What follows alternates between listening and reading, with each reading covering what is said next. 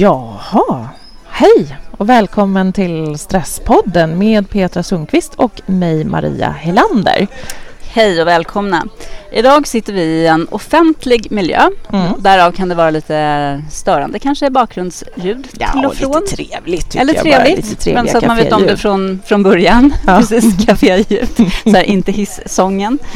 vi har faktiskt lyckats haffa Ingegerd Gavelin i mm. hennes mm. nu för tiden hektiska pensionärsliv. Ingegerd har skrivit många böcker om föräldraskap och har jobbat faktiskt hela sitt yrkesverksamma liv med mm. eh, familjerådgivning. Mm. Föräldrarådgivning skulle jag säga. Ja, mm. sa, jag, sa inte det? Familj, Nej, familje, familje, ja, ja, det är förlåt. som en annan, ja, det är en, en särskild profession sådär, ja. som jag mm. inte har jobbat med. Nej, men föräldrar. Föräldrarådgivning. Ja, föräldrarådgivning ja. Mm. Och det här är ju någonting som, som vi på Stresspodden får ofta, eh, vi pratade lite om det innan här innan vi satte igång inspelningen, att vi får väldigt många lyssnarfrågor just kring det här med eh, stressade föräldrar. Och hur, hur lätt det är att man när man är stressad och pressad så blir man arg fortare, man kan inte kontrollera sitt humör och sen så kommer skuldkänslorna mm. självklart i mm. efterhand. Mm. Så därför är vi jätteglada att du är här idag och vi kan, kan prata lite. Mm. Mm. Är det här något nytt eller är det här saker som du känner igen? Den här äh, frustrationen som kan utmynna i ilska och den här stressen i att liksom vara förälder och vad, allt vad det innebär Nej, från dina år? Det är ju absolut inte nytt. Nej. Det fanns ju, alltså det har ju alltid funnits tror jag. Jag var själv en jättestressad förälder för 40 år sedan. Eh, så att jag, nej det är inte nytt men däremot så är det lite skruvat mer idag. Vi har, föräldrar har, upplever mycket mycket större krav på sig att vara duktiga på alla möjliga sätt, på alla livets områden och det kanske är som tuffast när man har små barn. Man är kanske mitt i sitt eh, yrkesliv och vill väldigt mycket och man eh, man har för sig, många har för sig att man måste vara väldigt bra och duktig som förälder för att det ska gå bra för ens barn. Och man vill ju så att ens barn ska ha det bra. Så det, mm. alltså, kraven är jättehöga inuti många mm. föräldrar. Mm. Just det. Det låter som att det blir nästan som en prestation till slut att vara mm. förälder då mm. för många. Ja, så kan det kännas. Mm. Verkligen. hur ska jag göra? Ett, två, tre. Ja, sådär. Eh, och det är ju inte på den nivån som ett som man behöver vara förälder på. Göra de rätta sakerna. Va, vad är det egentligen man, man är rädd för? Är man rädd att man ska gör, gör, skada sina barn mentalt mm, så att säga om mm. man är mm. för... Det är det man är? Det tror jag att många är nu. Alltså, då, jag tänker på när jag var barn och mina... Alltså jag är född 1950 och då, då, då visste man inte så mycket om barn. Utan, och det var också så att de flesta föräldrar hade precis samma inställning till barnen. Man skulle veta hut och, och sköta sig. Det var liksom målet. Man fick inte göra bort familjen på något sätt. Sådär. Och för övrigt så skulle det säkert gå bra. Men idag har man så mycket, man vet mycket mer om barn. Man, man eh, läser mycket om, om barns behov och barns psykologi. Och man, man kan så lätt få för sig att om jag eh, härsknar och blir jättesur några gånger så har jag förstört mitt barn för alltid. Det, det, jag har mött många, många föräldrar som har känt så, som får så otroliga skuldkänslor och skäms så mycket som de skulle aldrig våga berätta för någon annan. Mm. Hur arga de har blivit och vilka dumma saker som de sa. Och, och det där ligger och pyr och, och gör jätteilla. Och är det så? Kan man skada sina barn? Ja, det är alltså inte genom att vara arg några gånger. Alltså det, är ju, det är ju väldigt kraftiga saker som ska till för att man verkligen skadar sina barn. Men däremot ska man inte förringa om man har varit dum med sitt barn för det kan göra ont i barnet länge. Har man varit jättedum så får man, ban, då får man be om förlåtelse. Mm. Och på riktigt och försöka förklara vad det var som hände och också försöka få veta hur barnet reagerade. För det lär sig barnet mycket på, att det är någon som vill lyssna på mig när jag har det tufft. Mm. Så, att, så tycker jag att man ska mm. kunna göra. Men, men, man förstör inte barnet genom att vara stressad vid hämtningarna. Eller, alltså det, det blir trist för alla när man har det jobbigt ihop. Ju. Så är det ju. Mm, mm. Inte så att man förstör någonting. Mm. Ja, det ska det. mycket till för att förstöra. Utan det som du säger här, att, att förklara. Ja. Prata ja, med barnet. Ja. Och, och be om ursäkt. Och be om ursäkt, ja. ja. För det tror jag är många också som duckar för. Ja, det gör man Att försöka bara släta över och mm. låtsas som ingenting.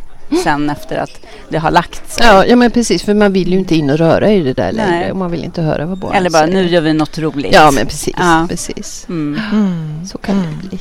Ja, men kan inte det också vara en del i det här att man vill vara, man vill vara så bra, man vill mm. vara en perfekt förälder mm. och då, då blir det ju lite skamkänslor i när jag Jättemycket skam. Uh, blir arg. Jättemycket skam. Mm. Och då är det svårt att lyfta fram det av den anledningen. Mm. Precis, man vill bara att det inte ska ha hänt. Mm. Och så händer det igen. Det har jag mött jättemånga föräldrar som har berättat om. Hur man mm. liksom Oh, det blir så fruktansvärt jobbigt och så tänker man att det ska aldrig få bli så igen och så tänjer man sig och så tänjer man sig och så tänjer man sig och så rätt vad det så brister det och så har man skrikit igen och slagit näven i bordet eller kanske till och med slagit sitt barn och, och ehm, eh, det hjälper inte mm. att bara skjuta undan saker. Nej. Det gör inte det. Så ibland måste man söka hjälp. Mm. Ja. Så är det Men just det där som du säger att tänja sig själv också. Det är ju någonting som väldigt många av oss faktiskt lever med på alla plan. Liksom mm. i arbetslivet och mm.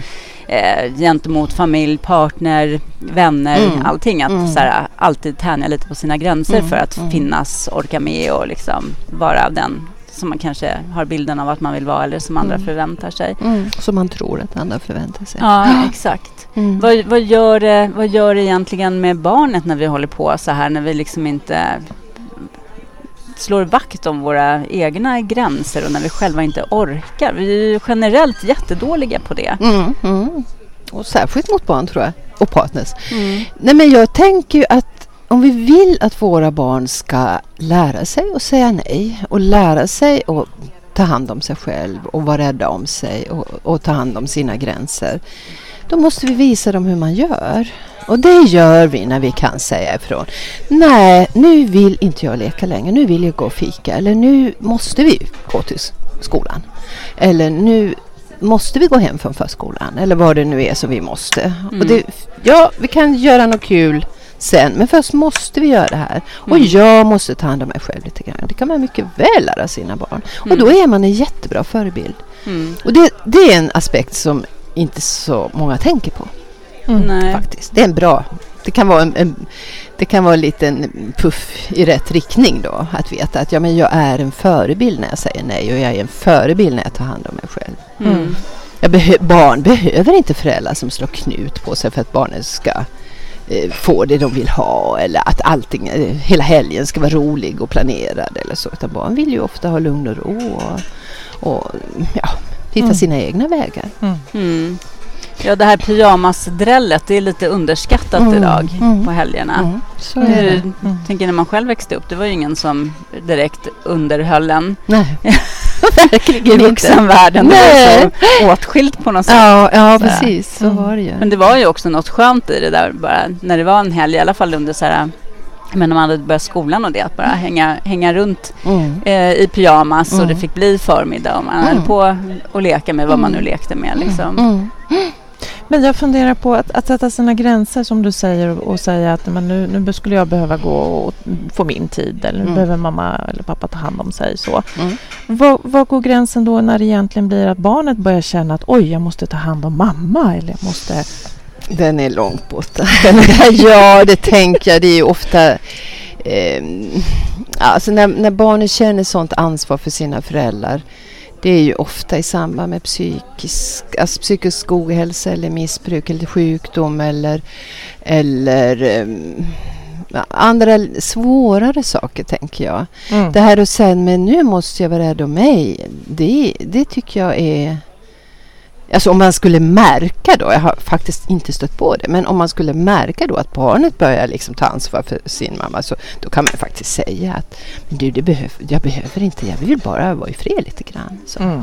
så det, mm. det, tror jag inte man behöver vara rädd för i första hand, utan det är, det är ofta med, i väldigt speciella situationer. Ja, just det. Mm. Just det. Ja. Okay. Mm. Och de är många och stora så det är inte att förringa det. Men, men bara för att man säger att nu, nu vill jag inte leka längre, nu vill jag läsa tidningen så tror jag inte så många barn de känner Nej. sitt ansvar. Nej. det tror inte jag. Nej, Nej just det. Mm. Mm. Oftast om vi ändå så här, har den vanliga höga stressen och inte har blivit sjuka av stressen mm. så, så behöver vi ju inte, det är ju inga långa stunder heller som Nej. behövs utan ibland kan det ju faktiskt bara vara det där att få, få vara i fred i fem minuter mm, mm. och bara stänga av allting mm, och inte mm. bry sig. Och göra saker färdigt kanske, inte bli avbruten hela tiden och sådana ja. saker. Sådana saker kan det ju vara. För att man är så trött och stressad till exempel när man kommer hem från jobbet. Och, mm. och så. Mm.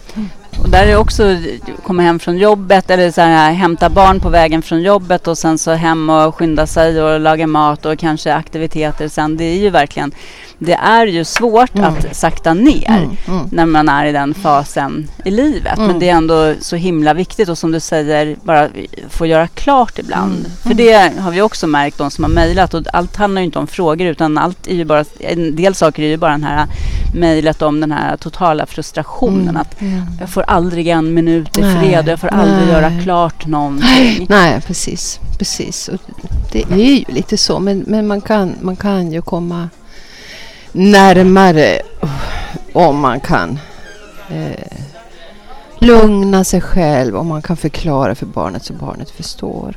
Men just här när man kommer hem, det har jag tänkt mycket på för jag minns hur det var när jag hade mina barn. Det är många år sedan nu. Då åkte jag runt, vi bodde utanför Sundsvall, så åkte jag runt och hämtade tre barn på olika ställen. Eh, och jag var hungrig och jag har svårt med hunger. Jag blir grinig när jag är hungrig. Var mm. ännu mer då. Och, och, eh, då tänkte jag alltid att nu ska jag få maten på bordet så fort som möjligt. Så fort vi kommer in och jag rusade in och satte på spisen typ sådär och höll på och dona. Och de var liksom på mig alla tre i olika åldrar och ville mig någonting. Och ja, ni, ni vet hur det kan kännas. Verkligen, de var på mig. Så. Mm. Och, och i efterhand så tänkte jag, men vad sjutton så himla bråttom var det inte med maten. Och de, det, man pratar om övergångar. De ville någonting för de ville, man brukar ju säga nu att man återupprättar relationer lite grann när man träffas igen.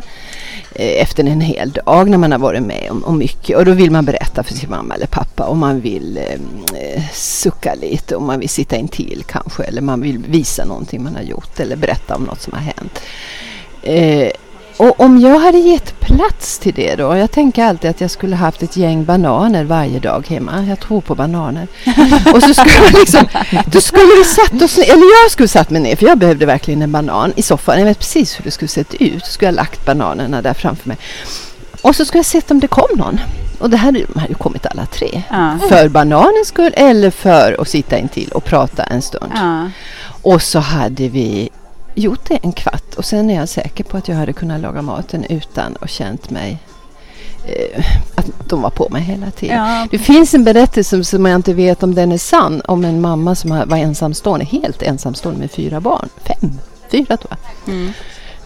Eh, och hon, eh, hon hade upptäckt det där så när hon kom hem på eftermiddagen och hade hämtat alla då la hon sig på köksbordet och den minsta kröp väl på henne och den äldsta ville berätta från skolan och så däremellan.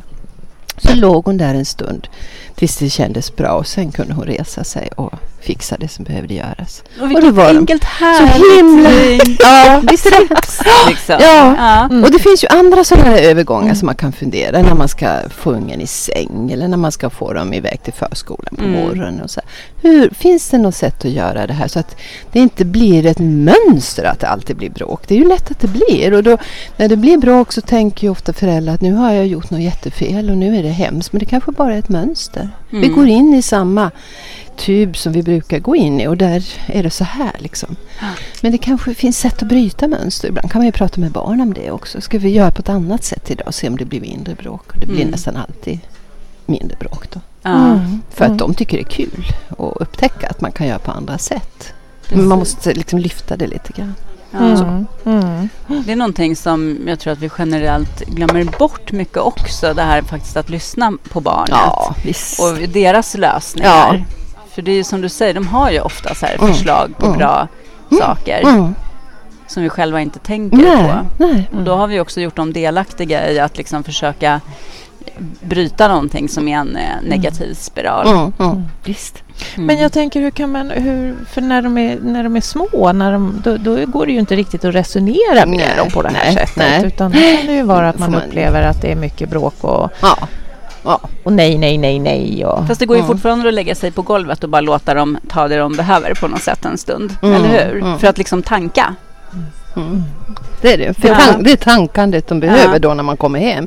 Men om man har de där morgonbråken så får man då får man ju ta kommandot lite grann och försöka hitta. Ibland behöver man gå upp en kvart tidigare och ha fixat eh, kläderna och maten innan barnet är uppe. Och, ja, det är så olika med barn. Det går inte att säga sådana mm. generella saker. Men fundera på vad skulle hjälpa när hakar det riktigt upp sig? Och mm. En del barn ser på TV eller har paddan på morgonen och en del barn går det jättebra med men det klarar inte ut utan det blir jättebråk. Då får man lägga undan. Alltså det finns så många olika situationer. Mm. Men att ta det på allvar. Oj, ta det på allvar. Mm. Tänker jag. Mm. Om man har det jättejobbigt varje morgon då ska man ta det på allvar och fundera på vad kan vi göra som gör det bättre. Mm om man är två, att man kan turas om på ett annat sätt kanske. Eller att mm. man kan eh, hjälpa varandra, gå in för varandra och sådär. Ja, just det. Mm. mm. Mm. Men det är så individuellt hur det blir. Mm. Men den här vanmakten och den här hopplösheten den kan man ju lätt hamna i vare sig det handlar om spädbarn eller liksom barn i så kallade trotsåldern mm. eller tonåringar. Mm. Mm, eh, hur kan vi, hur kan vi liksom göra för att eh, inte känna oss där i den här vanmakten och hopplösheten? För det är en ganska jobbig och eh, mm. inte speciellt eh, kreativ framåtväg att. Nej, det är inte. Då, då hamnar man ju lätt i i tunnelseende där man liksom bara ser att det här kommer att gå åt pipan eller jag är, inte, jag är en jättedålig förälder eller min tonåring kommer att råka illa ut. Mm. Alltså man hamnar så lätt i det. Så då behöver man ju vidga sitt seende och se på andra sätt. Och det är väl lite utifrån det som jag har jobbat en del både för, med mindfulness för, alltså individuellt för vuxna människor och så, men, men också just för, för föräldrar. Att kunna, ska, man säger i, i eh, mindfulness för föräldrar så säger man att skapa ett större rum för sitt barn i sina tankar. Så att man inte bara ser det här som, som inte känns bra. Utan man också kan se, försöka se lite ur barnets synvinkel eller att man ser Eh, man ser barnet i olika situationer eller ser barnets olika styrkor och det som verkligen gör en väldigt glad med barnet och, och så. För, att, för att få fatt i sina i de möjligheter som finns. För det är ju ytterligt, ytterligt sällan som vanmakten är reell. Att man faktiskt inte kan påverka. Det är ju jättesvåra situationer. Mm. Ja, ofta så hamnar man ju bara i de här tankelooparna ja, hela tiden. Precis. Kring oro och liksom oh. föreställningar och vad som kan hända. Och oh. Ser de eh, kanske icke önskvärda beteendena eller det som händer ens barn. Precis. Jag brukar säga att när man jag brukar skriva det på min tavla att, att om, man har, man har ett bekymmer med sitt barn så dels bör man tänka på vad det kan bero på och då hittar man alltid fel man har gjort eller svårigheter som har varit eller alla e världens eländen där på den sidan. Ah. Och sen så far man förbi nuet och så far man på sen och så börjar man tänka hur ska det gå när det är så här? Och när hon är åtta år och inte kan gå till skolan utan att bråka. Hur ska hon hur ska det gå för henne i arbetslivet? Så här, liksom. Alltså verkligen sådär. Va? Och egentligen så är det väldigt ofta i nuet, bara i nuet som vi kan göra någonting, förändra, hjälpa barnet hantera saker, hjälpa oss själva att, att orka med eller vad, vad det kan vara för någonting. Och de här, båda de här eh, då och sen är inte så, de är inte hjälpsamma. För de förvirrar våra tankar och vi fastnar i de tankarna mm. så lätt. Eh, och det finns alltid saker som man tänker att man har gjort fel och det finns alltid saker att oroa sig för. Men det är inte, det är inte bra, det är inte hjälpsamt för barnet och inte för en själv. Mm. Och där är då mindfulness en, en hjälp? Ja, jag tycker det. Ja. Jag tycker det. Mm. mm. Nu, nu, finns det så mycket hittepå om mindfulness. Det finns så mycket okunskap om mindfulness. Att jag vet ju att många tycker att det verkar bara flum och, mm. och så. Men, men den mer eh, beforskade mindfulnessen har väldigt stora kvalitet tycker jag. Mm. mm. Det har jag mm. tyckt i många år. Ja, och du har också sett att det är ett bra sätt för föräldrar ja, att komma ja. ur de här tankeloparna. Ja, liksom. verkligen. Ja. Jag hade ju kurser under, ja, under några år. Eh, och det var ofta väldigt eh, Alltså det blev, föräldrar blev väldigt...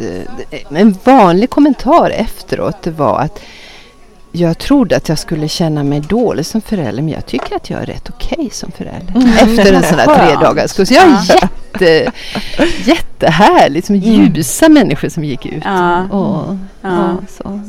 ja. Mm. Mm. Men du, du, sa, du berättade här innan för oss att det finns en app som man kan ladda ner just ja, med. Ja, ja. med Mindfulness för föräldrar. Mindfulness för föräldrar ja, heter den. Mm. Och i den så har jag eh, Det finns en text och en meditation till varje tema. Och det är tre teman som ingår i konceptet Mindfulness för föräldrar. Och sen är det också sex, sju teman som handlar om känslor. Eh, och så finns det då en, en eh, meditation till varje. Mm. Mm. Och just de här texterna publicerar jag just nu på bloggen. Mm. Och har gjort ett tag. Eh, och de ska bli en bok berättade du? De här texterna? Ja, alltså hela bloggen. Ska ja, hela bloggen. Precis. Ja, ja. precis. Ja. Mm. Mm. Men de kan man ju hitta och den är gratis den här appen så den kan man hitta Oj. på. Men man måste ju måste ha App Store. Alltså, man måste, det är bara den sidan. Ja, ty ah, okay. Tyvärr. En iOS app. Ja, mm. precis. Mm. Mm. mm. Ja, okay. Men man kan, annars kan man gå in på din, eh, på din blogg här och läsa kan, mer. Det Och det, den bloggen heter? Den heter Vardag och förundran vardag och förundran.se. Mm. mm. Ja, jätte, jättespännande. Och eh, har man tonåringar kan jag fortfarande, även fast den boken du skrev om tonåringar, Lita på din tonåring, nu ändå har några år på nacken mm. så är den ju fortfarande den är så stärkande och hoppfull. Mm. Så den tycker jag verkligen, ta, ta den boken till er ifall de, ni som har tonåringar eller är på väg in i den perioden mm, i livet. Kul, ja. ja. Jo, det är många som har sagt att den är en tröstebok. Mm. Nej, det var inte den. Det var någon annan. Att den är en, en uh, handbok för föräldrar ja. just i, när det gäller tonåringar. För ja. den berättar ju också mycket om tonårsutveckling och så. Mm. Ja. Precis. Mm. Spännande. Ja, den är bra. Mm.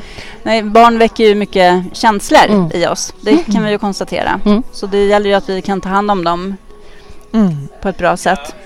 För att Precis. inte gå under i dem också. Ja. Nej, men för jag funderar också, men, men om vi ändå är inne och pratar om mindfulness här, för det är när, när vi jobbar med stress så är ju mindfulness och andning och liknande det är saker som vi också har rekommenderat mm. och intervjuat gäster kring. Mm. Men då kan det ju många känna så här, men, men när ska jag ha tid? Mm. mm. Det är ju om man är ensamstående och har mm. fler, många barn att ta hand om och så vidare. När ska jag hinna göra det? Nej, så är det ju. Det är svårt att gå en kurs då, eller det kan vara alldeles omöjligt. Men det finns ju Ja, dels finns det den här appen men den berör just föräldraskapet. Så jag vet en app som jag själv tycker är väldigt bra och det är en app som heter Du är, du är här. Mm. Eh, och den är gjord av en kvinna som heter Malin Rosén. Mm. Känner till henne? Nej, jag gör inte det. Nej, nej, nej. Spännande. Det är faktiskt en jättefin app. Mm. Eh, och den är som en, en kurs kan man säga. Och om man kan ge sig, det kan man göra på kvällen när barnen har somnat eller om man går upp lite tidigare på eh, bussen till jobbet och sådär. Så kan man eh, under en vecka lyssna. Det finns åtta teman där man liksom fördjupar sin mindfulness-praktik. Eh, och om man då tar en vecka till varje tema och, mm. och, bara är i de här meditationerna och inte kräver saker av sig själv och inte tänker att man ska vara en duktig meditatör mm. eller någonting utan bara lyssna på de här meditationerna. Mm. Och så har man lärt sig rätt så mycket tycker jag. Den är faktiskt väldigt användbar mm. på så vis. Det är som en, en, en, kurs och sen finns det mycket annat material mm. och andra meditationer också. Mm. mm. Men eh, den, den, kan jag rekommendera. Men jag... Kan man annars tänka sig att man kan göra, göra det tillsammans med sina barn? Mindfulness? då ska de vara rätt så stora. Mm. Men visst kan, man, visst kan man prova. Tycker de om det så tycker de ju om det. Mm. Jag vet ju att det finns sådana som jobbar med, med eh, mindfulness för barn. Men det har jag aldrig gjort så jag kan inte det. Det finns ju ändå många sätt att uh, göra olika sorters avslappningsövningar och ja, sånt på mm. tillsammans med barnen. Ja, och det finns ju jättefina massagesagor eller ja, vad som det. helst också.